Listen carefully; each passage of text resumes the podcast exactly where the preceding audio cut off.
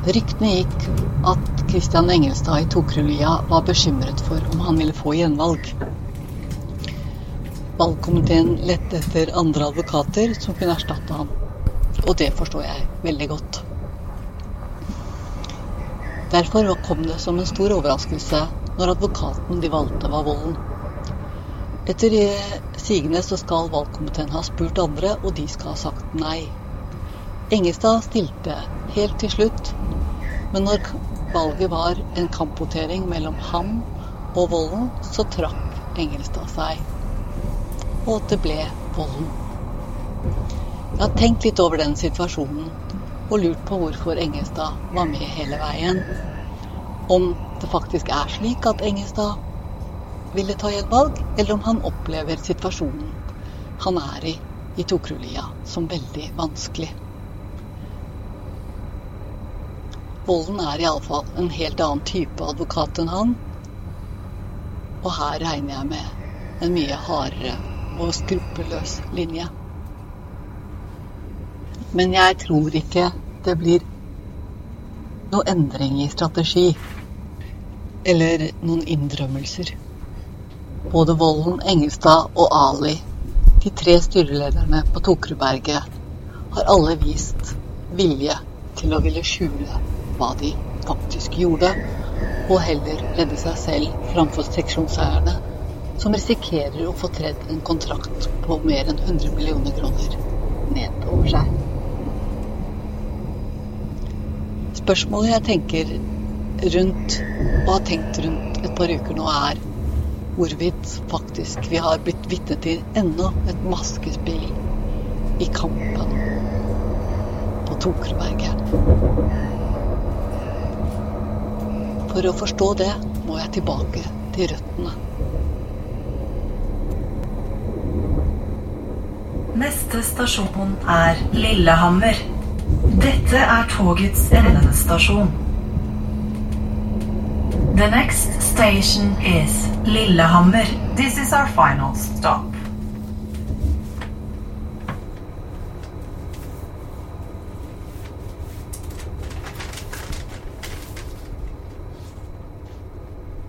Plottkast kan hjelpe meg å skrive dramaturgi, fortellinger og fiksjon der struktur underholder eller forstyrrer, slik kunst skal. Mitt navn er Sylvia Johnsen, og jeg bruker eh, en historie fra virkeligheten for å skape plott for teater og fiksjon, og jeg bruker en podkast for å finne de nødvendige vendepunktene.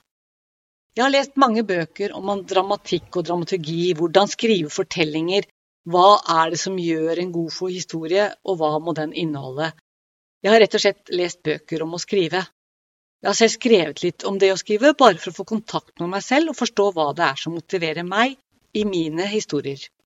For det å skrive er en veldig personlig erfaring, og jeg skrev tekster tilsvarende nesten ja, fire romaner før jeg kom til det ene punktet hvor jeg følte jeg kunne gjøre det som Roy Jacobsen anbefaler til alle som vil skrive, Lyv mer.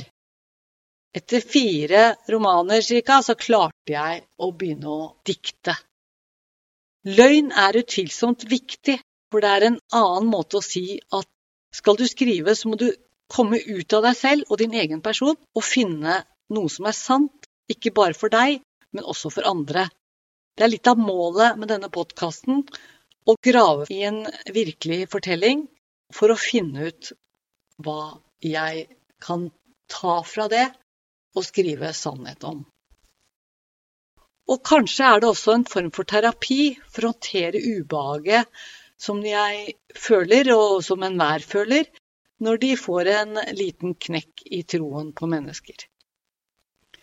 Utgangspunktet er samspillavtalen tre styreledere signerte med selve prosjekt 1.3.2018, men som falt i avstemning på Rommen scene i oktober samme år, da tre sameier ble innkalt samtidig, på samme sted og med samme møteleder, hvilket utfordrer eierseksjonslovens krav til slike årsmøter.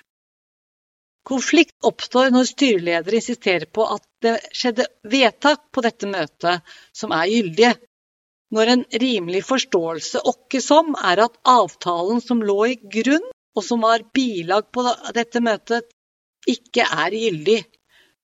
Og det burde være tilstrekkelig for å stoppe styreledere fra å gå videre med det flertallet de sier de har.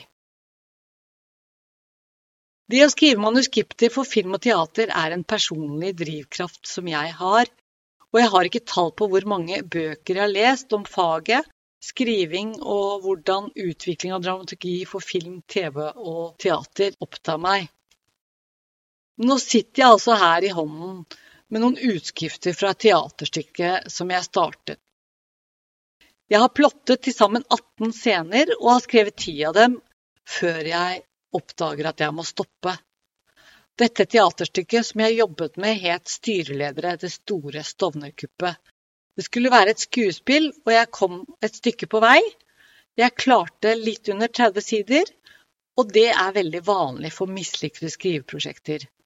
Når du har skrevet 30 sider, har du kommet til selve kjernen på problemene og må finne ut av hva det egentlig er du skriver om.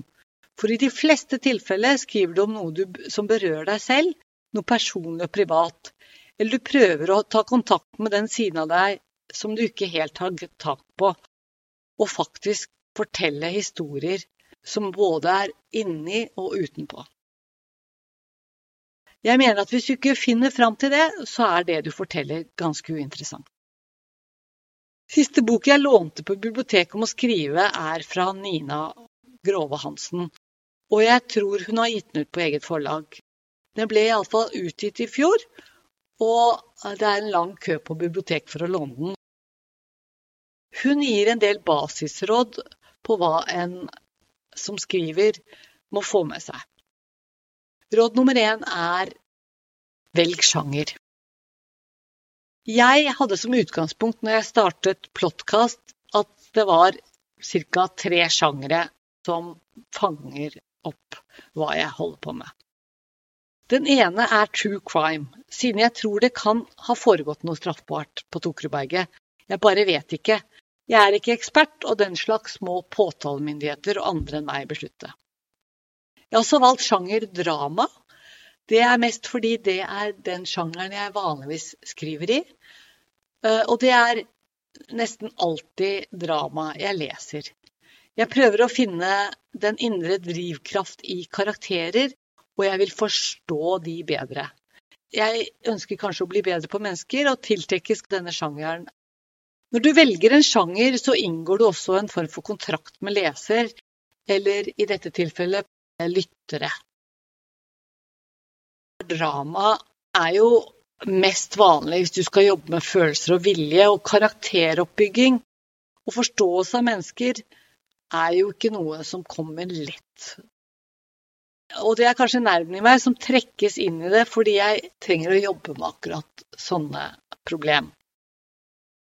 Men true crime er en underkategori av drama, og der står jo ofte en forbrytelse i sentrum. Her har det skjedd noe kriminelt, og det tror jeg at det er, eller er det bare en rekke med feil der enkelte har trådd fryktelig galt? I true crime må du ta stilling til hvilken skade som har skjedd, om det overhodet er en skade, og hvem er det i så fall som er skadet. Forbrytelser og true crime har ofte en, et offer. Hvis det er et offer, så er det jo kanskje noen som er skyldig i et eller annet, som gjør at andre blir et offer. Men jeg har også lurt på om ikke dette har en tredje sjanger som heter dokumentar. Jeg måtte jo fjerne en blogg med artikler om eh, hva som skjedde på Tokerudberget i årene 2018 og 2020. Og straks jeg fjernet denne bloggen, så tok styret i mitt sameie, som er Tokeråsen, og slettet all intern debatt på sameiets egne Vibbo-sider, slik at folk ikke lenger kunne gå tilbake og se hvordan ting har utviklet seg. Så jeg føler jo at det er et behov for å få fram informasjon og dokumentere en del hendelser, gitt at jeg ikke helt vet hva status er. Og det er mange seksjonseiere på Tokerudberget, og mange beboere her eh, som trenger å få vite og se og følge med. For dette kan ha store konsekvenser for mange flere enn meg. Ingen styreledere på Tokerudberget gir innsyn til noe som helst. Og da tenker jeg på faktum at styreleder i Tokertoppen også er nektet innsyn i lange perioder, og det til tross for at Tokertoppen angivelig er part i dette prosjektet. Nina Groven Hansens andre råd er å ha en forståelig dramaturgi på plass. Opprinnelig planla jeg denne podkasten som en enkel dramaturgi basert mye på rekkefølge av hendelser. Jeg skulle gå gjennom hva jeg oppdaget, fra jeg oppdaget det i 2018, 2019 og spesielt 2020. Alt som har skjedd fram til i dag. Jeg har jo ikke kommet til disse årene som er nå, og jeg skjønner jo at her må jeg kanskje bygge opp en litt mer komplisert dramaturgi og gjøre noen endringer. Jeg fikk meg nemlig en stor overraskelse for to uker siden når Tokerudlia valgte ny styreleder, og han var ikke ny, men det var Alf Erik Vollen som var blant de primære advokatene som signerte samspillavtalen i 2018. Han ble kastet i Tokerudtoppen i 2020, når denne saken sprakk.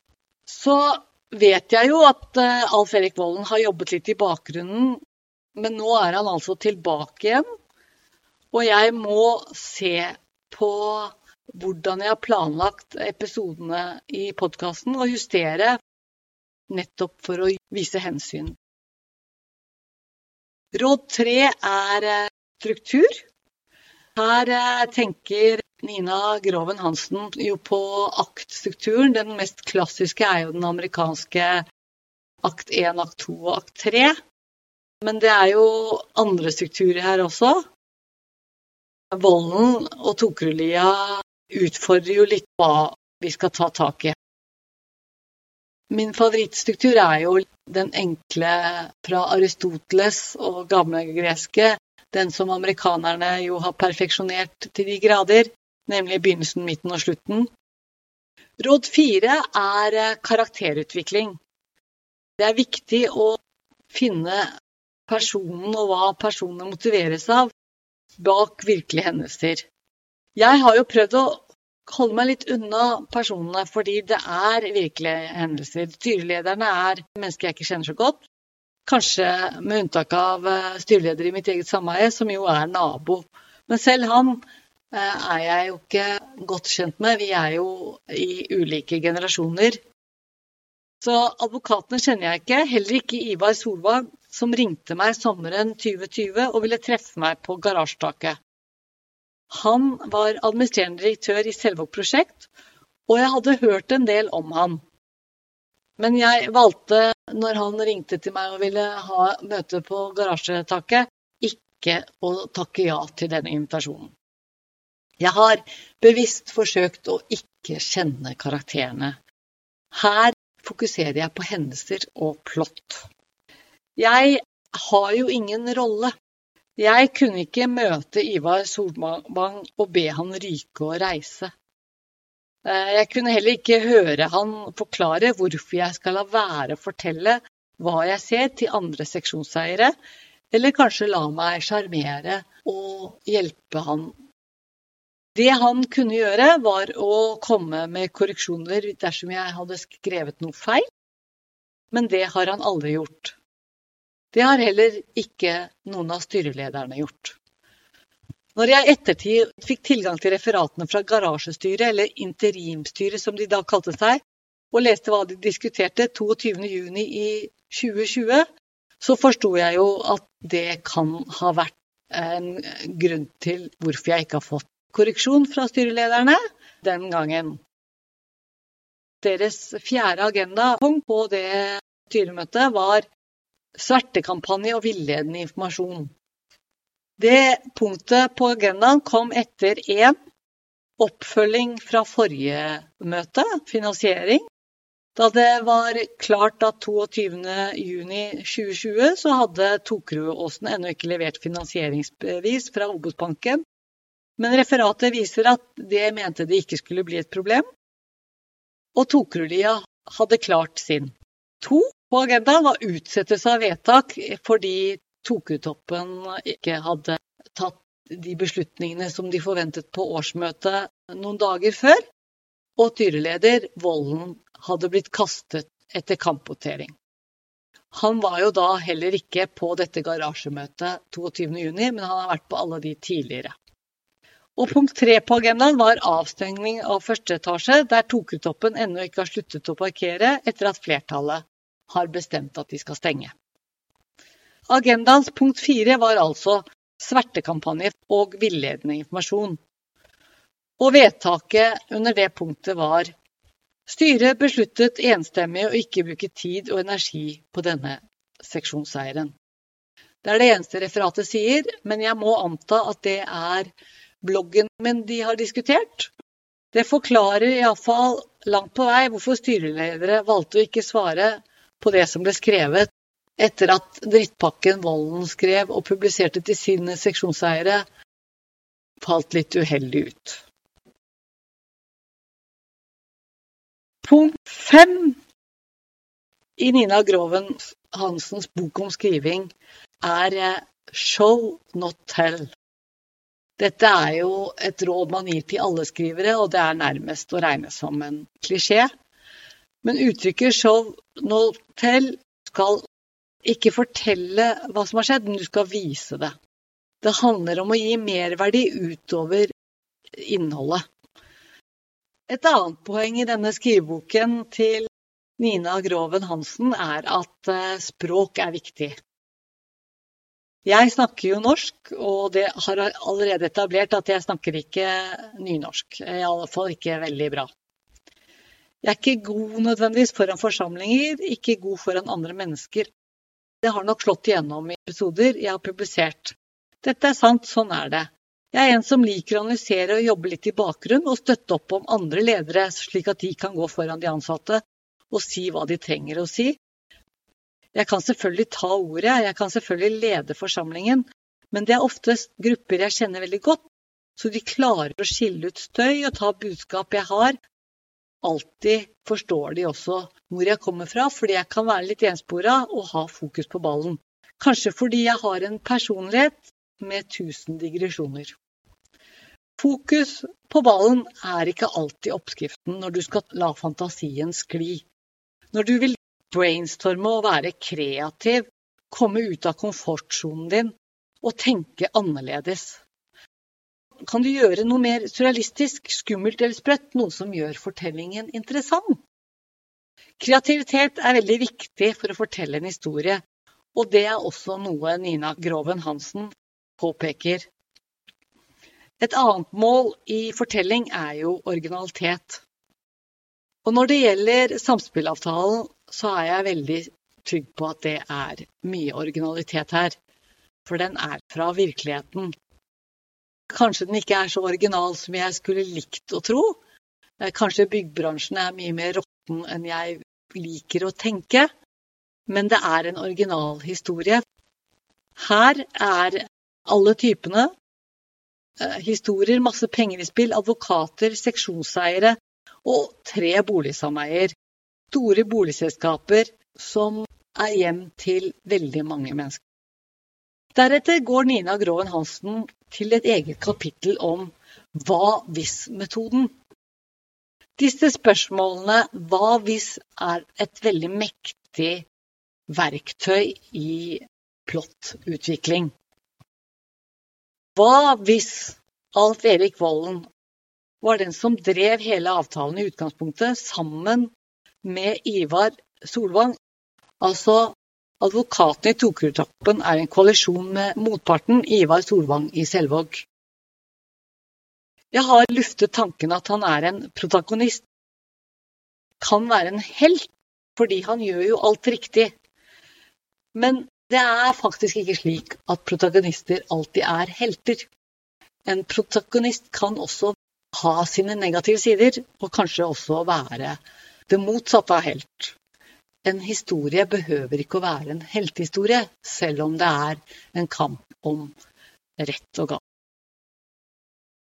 Volden har ikke tatt rollene i interim garasjestyre, men han har møtt opp, og han har deltatt, og han har utvilsomt mye å si i kraft av at han har mye kompetanse, juridisk kompetanse, og sikkert blir hørt på av den grunn. Volden er til stede, og referatene viser at han har masse meninger, uten at det gir han juridisk ansvar, men han har utvilsomt hatt et ansvar for at ting har gått som det gått, i form av at han har påvirket det. Hva hvis det var Alf Erik Volden på Tokertoppen som Ivar Solvang gikk til når Tokeråsen sa nei til entreprenøren? Min søster var styreleder og hadde en veldig god tone med Ivar Solvang. Han var en hyggelig person. Min søster snakket bare bra om han. Hun er også veldig forskjellig fra meg. Hun abonnerer på boligmagasiner og er liksom veldig interessert. Og som styreleder så ble vedlikehold og tanker rundt det ble en ting som hun engasjerte seg sterkt i.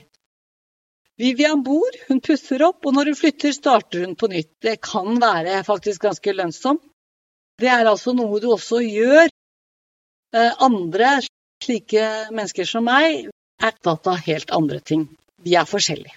Jeg bodde et annet sted når Ivar Solvang hadde informasjonsmøter om å bygge blokk på Tokerudberget. Jeg var opptatt av mitt liv og var ikke så opptatt av hva som skjedde i leiligheten jeg og min søster eier sammen. Stovner var hjem til min mor når hun kom til Oslo, og så var det der min søster bodde med sine to sønner. Og så var det prosjektet da, som styreleder som hun likte veldig godt. Og jeg stolte jo på at det gjorde hun med sunn fornuft. Og jeg visste at hun ville være nøktern og ha god økonomisk sans og ta smarte valg. Hun syntes det var gøy. Det gjorde jo at hun søkte ja, sånne grønne midler i bydelen og sendte søknad. Og fikk en masse penger for å starte Urbant landbruk. Som styremedlem Kristine Teit fulgte opp på en mesterlig måte, det skal jeg bare ha sagt. Men dessverre ble min søster altså erstattet av en som kanskje var litt umoden, litt lat, og som hadde andre ideer om hva det vil si å være styreleder. Han gikk mer inn i rollen som en posør. Hva hvis-metoden er en veldig fin måte å isolere problemstillinger på, som kan danne grunnlag for fiksjon og nye plott. Hva hvis Iva Solvang og Alf Erik Volden, de to pådriverne i avtalen, faktisk samarbeidet om å få styreleder i Tokeråsen med på laget? Hva hvis de til en viss grad allierte seg med en tredje styreleder i Tokerølia?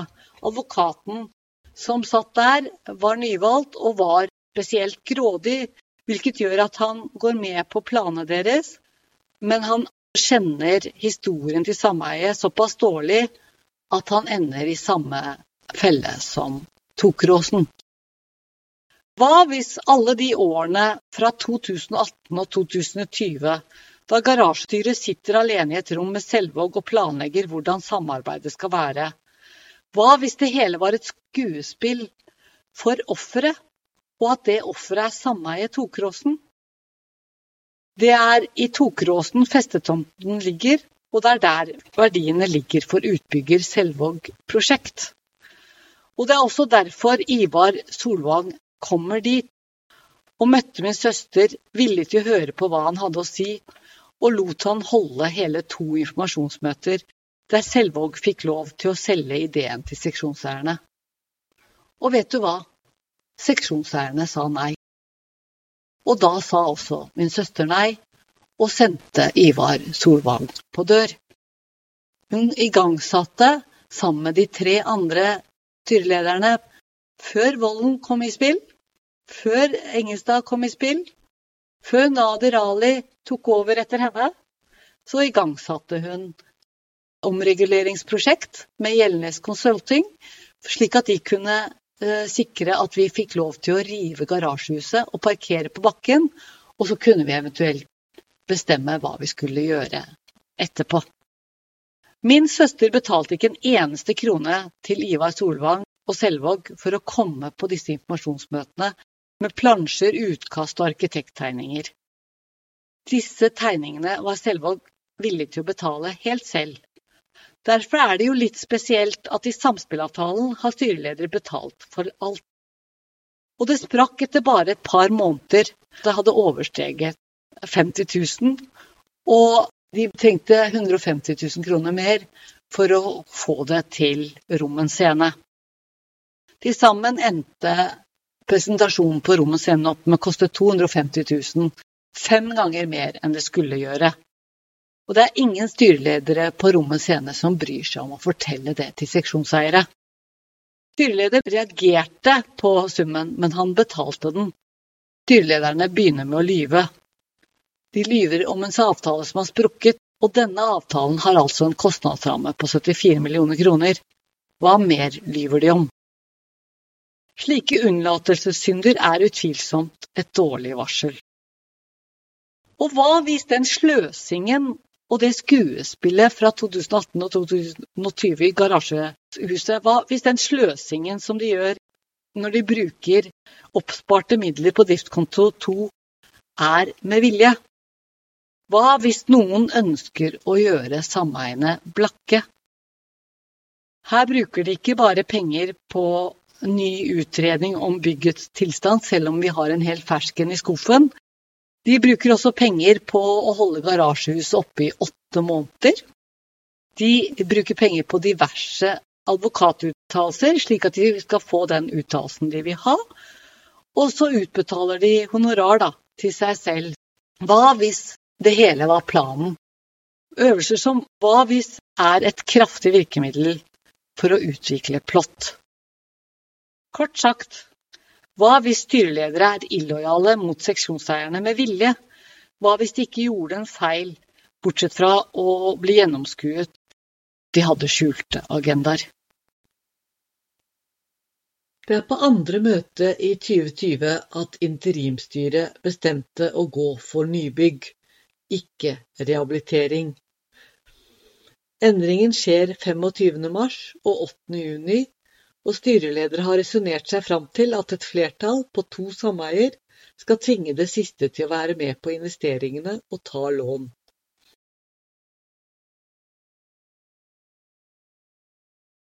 Om avstemningen står det i referatet. Åsen og Lia stemte for nybygg. Toppen stemte imot. Og i parentes bak beslutningen at toppen stemte imot, så er den stemmen forklart med at Tokretoppen er bundet av årsmøtet. Det er som om det er liksom eneste grunnen for hvorfor de stemmer som de gjør. De går gjennom en øvelse fordi de må, og det er underforstått at de er enige med flertallet. Og det er hva som man i demokrati kaller gratispassasjerer og har ryggen fri i forhold til sine egne velgere.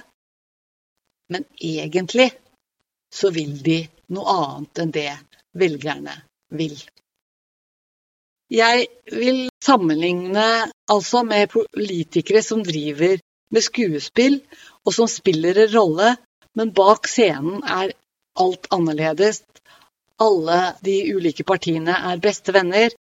Avstemningen er et maskespill, hykleri i verste form. Riving nybygg blir altså vedtatt i garasjesameiet 25.3.2020, og de bestemte seg for å gå videre med det scenario, selv om de ikke hadde grunnlag for det, og en advokatuttalelse hadde sagt det allerede januar samme år. Grunnet diverse har de valgt å gå videre med to etasjer, ikke tre etasjer, som jo var det Rommen scene vedtok i 2018. Tokutoppen stemte jo nei også til det. De to etasjene de skal bygge, vil koste 71 millioner kroner. Bare 3 millioner rimeligere enn de tre etasjene som Rommen scene vedtok. Og denne flertallsbeslutningen gjør de etter at en advokatvurdering har sagt at interimstyret altså ikke kan bestemme slike ting. Hvorfor gjør de det? Hvorfor tror de dette er smart? Valget interimstyret gjør, er også et valg om at de skal bruke vedtektene i et garasjesameie og flertallsmakt for å tvinge Tokerudtoppen, uansett hva Tokerudtoppen velger. Og et enstemmig styre Volden og de to representantene i Tokerudtoppen støtter opp og stemmer med de andre om at det skal betales for en ny advokatuttalelse fra Hjort, siden de ikke er fornøyd med den de har fått, som sier at alt de har gjort i interimstyret er uten gyldig mandat. Styreleder Volden og Engestad får oppgaven å formulere det nye oppdraget til advokaten fra Hjort. Brevet Volden sendte til seksjonseier i Tokerudtoppen, var ikke spesielt fornøyd med at jeg påsto at interim garasjestyre manglet kompetanse til å ta de beslutninger de hadde tatt.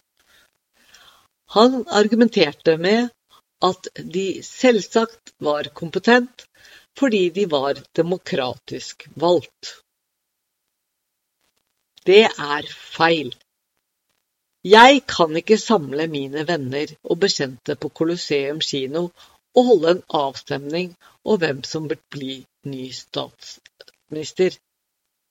Eller, vi kan eh, selvfølgelig gjøre det, men den vi velger, blir ikke ny statsminister.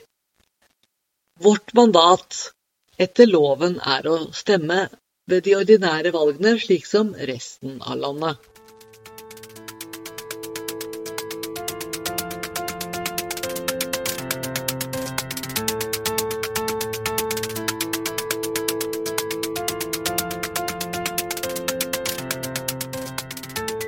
Temperaturen i en historie forteller meg om dette er en true crime, en krimfortelling.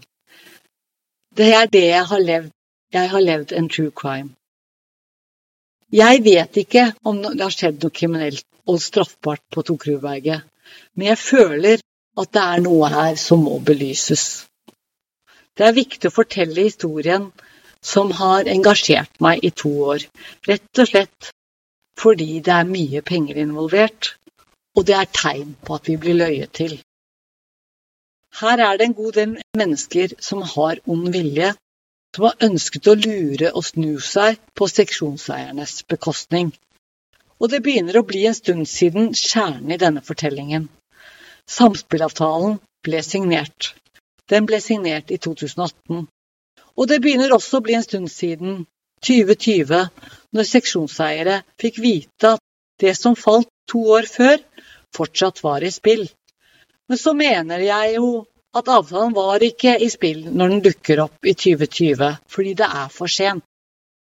Men faktum at den ikke er i spill da Hvis det er faktum, hvorfor er den da i spill i 2023? Ja, er den det? Jeg bare spør.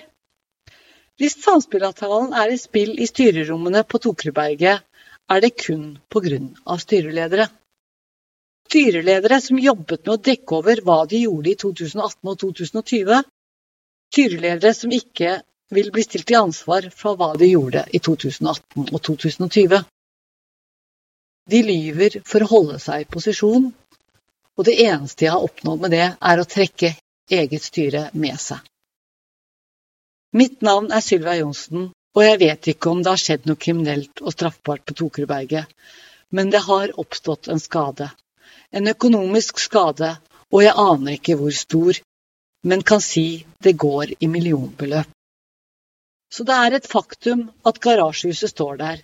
Det blir ikke brukt, det er stengt. Det ble stengt i Oslo tingrett som følge av rapporter som sier at det er farlig, at betong faller ned fra taket, og det stemmer faktisk, for det har blitt utbetalt erstatninger til bileiere fordi betong har falt fra taket og skadet bilen som står under. Om det er så ille så vi trenger å stenge huset, er det mange meninger om. Men siden den første rapporten om denne betongkorrelasjonen kom i 1995, kan vi ha en anelse om at dette huset er ikke i god stand. Det er ikke et friskt hus. Det er kondemnerbart, og det er for sent å redde det. Noen snakker om rehabilitering. Her er jeg uenig med andre som mener det er mulig, og det er noe vi kan gjøre. Det er utvilsomt noe som kan tas til debatt, men det får vi ikke tatt til noe debatt, fordi styreledere holder det unna debatt. Garasjehuset som står der i dag, er en gjeld. Det er fakta. Og det er svært alvorlig. Hvem har skyld i det, om ikke Selvåg, som han manipulert seg inn i sameierdemokratiet på Tokerudberget, kanskje skremt vettet av styrene, eller så har styreleder og styre klart det helt på egen hånd. Vi vet for lite om hva som har foregått i de lukkede rom. Men over en periode har det gått svært lite informasjon til seksjonseiere, og hva jeg ser er spor etter mye skuespill. Vi hadde på årsmøtet i 2018 en avstemning, og den falt. Der var det fem forslag som sto i samspillavtalen, hvor riving ikke var en av dem. Og de seksjonseierne som ville stemme mellom de fem som var i samspillavtalen, ble nektet for det. De fikk kun stemme for det styrelederne la fram, og det var et treetasjers garasjehus. Altså et hus som er større enn det vi har i dag. Etterpå har styreledere helt på egen hånd endret størrelsen til to etasjer, og søkt Oslo kommune om å bygge dette garasjehuset over to plan. Mens de sameie som sa nei til nybygg, der har de hatt vedtak om rehabilitering, men de har hatt et krav om at det skal ikke overstige 30 millioner kroner. Det er mest sannsynlig ikke realistisk. Ingen seksjonseiere har fått et ordentlig valg. Et informert valg. Et valg de kan ta stilling til på en organisert og god måte. Det har blitt komplisert. For nå er det kanskje juridiske problemstillinger knyttet til samspillavtalen og hva Selvåg prosjekt mener. Og hva har Selvåg med hva sameierne skal mene og velge? Ingenting. Likevel er det kanskje noen som tror det, eller som handler som om de har det. Jeg må erkjenne at det har vært veldig forvirrende å sette seg inn i dette skuespillet. Det kan være fordi det er veldig mange dokumenter, innkallinger laget for å manipulere årsmøtet på 151 sider, eller som i fjor i Tokeråsen, da vi fikk 97 sider. Oppgitte flertallskrav i innkallingen stemmer ikke med hva som er rimelig forståelse av vedtekter og eierseksjonsloven. Jeg har sagt at samspillavtalen kun er lagt foran årsmøtet som bilag i innkallingen på Rommen scene, men det er ikke helt sant. For fjorårets årsmøte på Tokråsen, de 97 sidene, inneholdt også samspillavtalen. Og det var litt rart, for vi hadde ingen saker om samspillavtalen. Det var ingen debatt om samspillavtalen. Styret informerte ikke spesielt om samspillavtalen. Den bare lå der som døde sider bakerst i innkallingen. Det virket umotivert, og jeg lurer litt på hvorfor. Disse megainnkallingene som drukner i poeng og drukner også i informasjon, og som kanskje også skjuler informasjon, hjelper styreledere å lyve i ettertid. Hvorfor stilte ingen spørsmål hva samspillsavtalen gjorde i årsmøtet i Tokeråsen i 2022, når det var ingen saker som omhandlet den? Og så er det referatene våre. De pleide å være på to sider, men nå er de mye lenger. For Obos-møtelederne som de innkaller for å holde kontroll på debatten, de sikrer seg mot alle rare vedtak. Vedtak som Tokeråsen vedtok i 2000 21. Årsmøtet vedtar en ekstraordinær honorering på til sammen kroner 100 000 til Nadir Ali og Remi Bolet. Ingenting mer. Men her har eh, møteledere lagt med den lange teksten som forklarer hvorfor disse skal ha 100 000 kroner, og hvorfor årsmøtet skal vedta noe som er stikk i strid med eierseksjonslovens begrensning og mindretallsvern i paragraf 40 men også sameiets egne vedtekter, som sier Årsmøtet har den øverste myndigheten i sameiet. Et flertall på årsmøtet kan ikke ta beslutninger som er egnet til å gi noen seksjonseiere eller utenforstående en urimelig fordel på andre seksjonseieres bekostning. Sameiets vedtekter sier det samme. Verken årsmøtet eller styret har lov til å forfordele seksjonseiere foran andre, gi dem 100 000 kroner, gratis advokat eller hva de måtte ønske. Det er også habilitetsregler som skal stoppe det. Men innleide Obos-møteledere gjør hva de blir betalt for å gjøre, Og så kommer de med disse protokollene på 13 og 16 sider som skal dekke over hva de egentlig gjør, nemlig å skjule at de bistår styreledere i noe uryddig. Mindretallet har krav på å si hva de mener, når flertallet helt åpenbart er på ville veier og opptrer illojalt. Derfor har forarbeidet i eierseksjonsloven slått fast at saklige protokolltilførsler er innenfor hva man kan forvente i sameier. Og det er også helt i tråd med demokratiske tradisjoner, og dette vet Obos-møteledere. Allikevel så går de til avstemning på protokolltilførsler, og de inkluderer ikke protokolltilførsler i referater. Hvorfor? Jeg har fortalt om kuppet på Rommens scene som falt i avstemning. Eller gjorde det det? Styreleder hadde i innkallingen tråkket over et par grenser for å få resultatet de ønsker. Når jeg fikk referatet fra garasjestyret, så viser det at tre måneder etter at de signerte samspillavtalen, så vil Ivar Solvang at de skal ha bare ett årsmøte. Men Volden protesterer og foreslår at de fortsetter med planen som er tre årsmøter på henholdsvis 10, 11 og 12. september. Engestad maser i sedvanlig stil, det gjør han i alle prater, helt til han får viljen sin, om å få betalt. Og som før så gir Tokeråsens representanter beskjed om at han må gå til sitt eget styre for å få penger. Faktum er at møtet i E-feltet de siste 50 årene har vært et koordineringsmøte for informasjonsutveksling. Under møtet på Rommet scene har både Tokertoppen og Tokeråsen gjennomgått en betongrehabilitering, og det er skeptisk til mer gjeld som avgjør når en av dem, Tokertoppen, avviser forslaget. Det er viktig. Men før det vil jeg si noe om prosjektet i 2020. Nå kommer vedtektene tilbake, og de kommer først til Tokerudlia. Og der har betongrehabiliteringen sprukket, og Engelstad skal legge disse vedtektene fram foran seksjonseiere.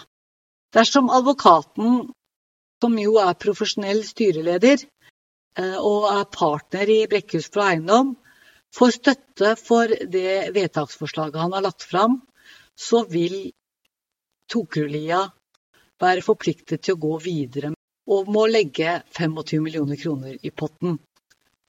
Det står ikke i vedtaket, men det er situasjonen. Seksjonseierne må selv forstå at de vedtektene som ligger foran dem, vil trigge en kostnad på 25 millioner. Det andre forslaget de har på dette årsmøtet, er en sprekk på betongrehabiliteringen på 5 millioner. Og det er jo rimelig å forvente at eh, hvis betongrehabiliteringen sprekker med 5 millioner, den skulle være 42 og så sprekker den med fem til, så er det rimelig å forvente at et garasjehus på 74 millioner også vil sprekke. Dette burde man kanskje fortelle seksjonseierne. Årsmøtet i Tokerudlia er dagen etter at jeg har publisert min blogg, og noen av sameierne har fått det med seg. De spør derfor om hvorfor de må vedta disse vedtektene, om det er smart. Og da får de beskjed om at det må de, hvis ikke så vil sameiet bli saksøkt. På hvilket grunnlag? Det syns jeg er rart. Men her blir de altså orientert om at de har vedtatt å stemme dette garasjesameiet, og da blir de saksøkt hvis de ikke fortsetter å vedta det. Det er jo helt feil. Forslaget falt, men det er det de blir fortalt. Forslaget Engelstad legger fram, sier dette. B. Vedtekter Tokerudberget garasjesameie. Før formelt å få stiftet Tokerudberget garasjesameie, må vedtektene vedtas. E-feltkomiteen har jobbet iherdig med forslaget til vedtekter over lengre tid.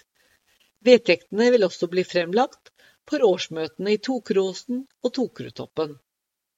Forslag til vedtak. Fremlagte vedtekter vedtas. Vedtaket krever to tredjedels flertall.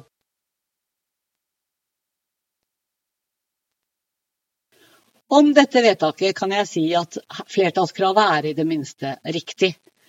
Jeg legger også merke til at han prater om interim garasjesameie, som de har kalt seg, i et lukket rom, for E-feltkomiteen, som er det tradisjonelle navnet på garasjestyret, og er det vi har hatt i 50 år.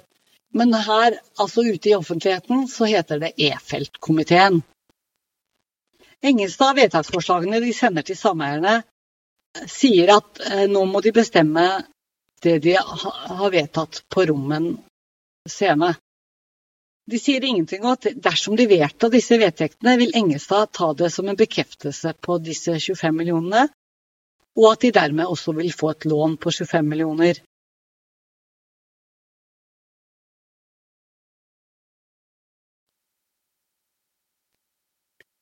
Alf Erik Vollen møter et annet sameie, de som sa nei til å bygge nytt og ta lån, og heller ikke stemte over C når forslaget fra Selvåg falt.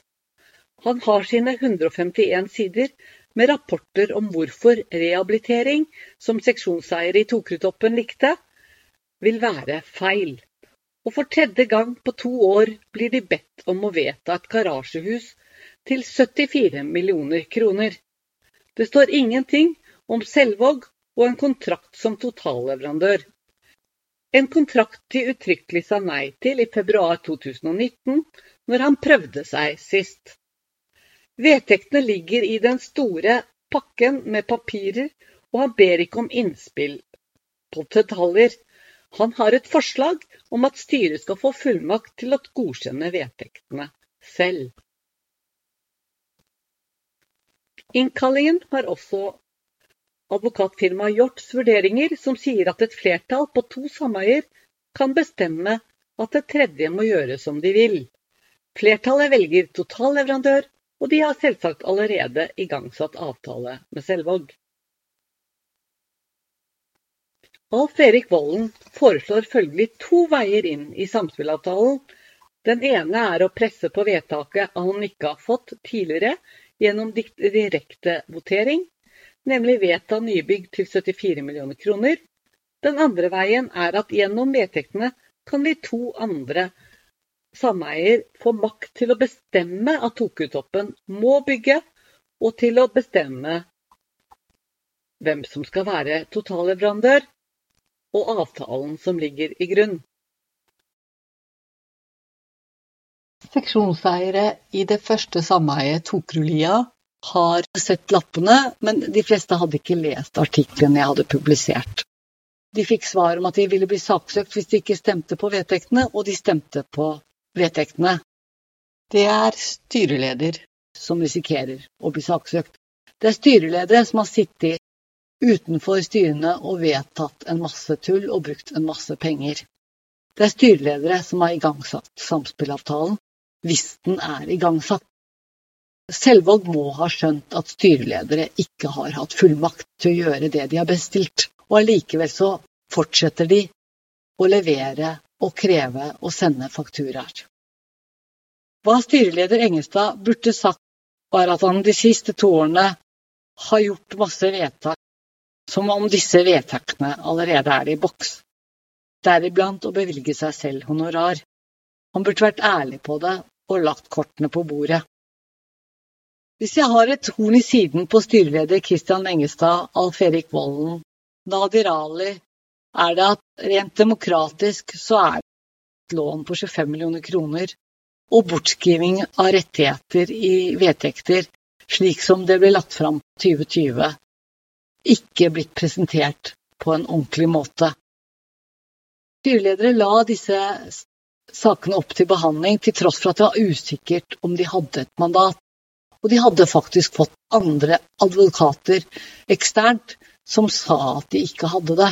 Og da bestilte de bare en ny advokatuttalelse. Hva er det for noe? Og Selvåg prosjekt, hvor er de i dette? Ivar Solvang var på rommets scene når forslaget falt, og det er i sameiet de tenkte det var minst eh, motstand. For Alf Erik Volden i allianse med Ivar Solvang var arkitekten bak dette i større grad enn han vil erkjenne i dag. For samspillavtalen har blitt et sabla rot, og det kan alle som kan se hva de gjør, forstå. Her kan alle bli saksøkt fordi styreledere har vært grådig. Solvang er ikke smågutt i byggebransjen og har egen juridisk avdeling. Entreprenøren må vite om eierseksjonsloven paragraf 60, som gir klare begrensninger på hva styret har lov til og ikke har lov til, og forstå også at eh, styreledere ikke kan hefte dem til denne avtalen. Eller de ikke kan heftes til denne avtalen fordi styreledere har gått utover sitt mandat. Samspillavtalen og prosjektet Solvang solgte inn til styreledere falt i oktober 2018, og jeg forsto ganske tidlig at de snakket sammen, selv om seksjonseierne sa nei.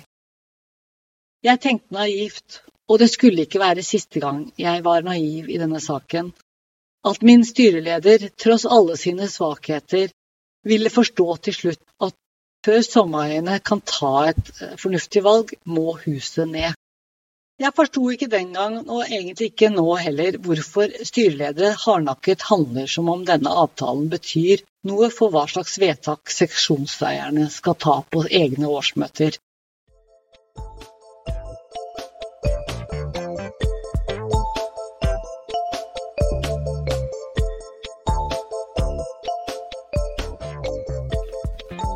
Tross for bekymringer over mange år og en uro over at vår styreleder mangler trening og forståelse i saker som dreier seg om enkel formalia i sameierdemokratiet, tok jeg det rolig. For styreleder og nestleder bedyret i spørsmål som dukket opp rundt honorering, at de ville i alle fall ikke ta noe ekstra betalt utover hva de får i styrehonorar. Jeg var naiv om det også. Tokerudberget er et begrenset geografisk område med tre boligsameier, lett å skille fra hverandre.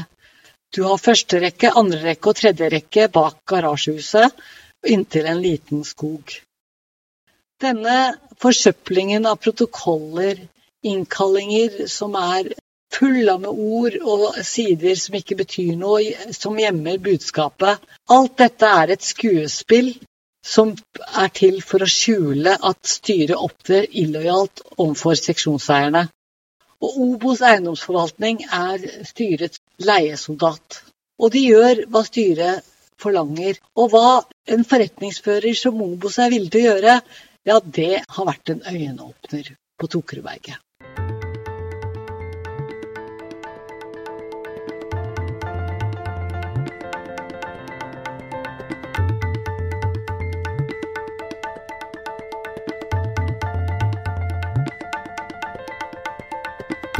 Tilbake fra litteraturfestivalen i Lillehammer er jeg klar for å fortsette podkast, fortelle mer om Obos forretningsfører, styreledere, Selvåg prosjekt og andre som kan ha en agenda. Du kan støtte ved å abonnere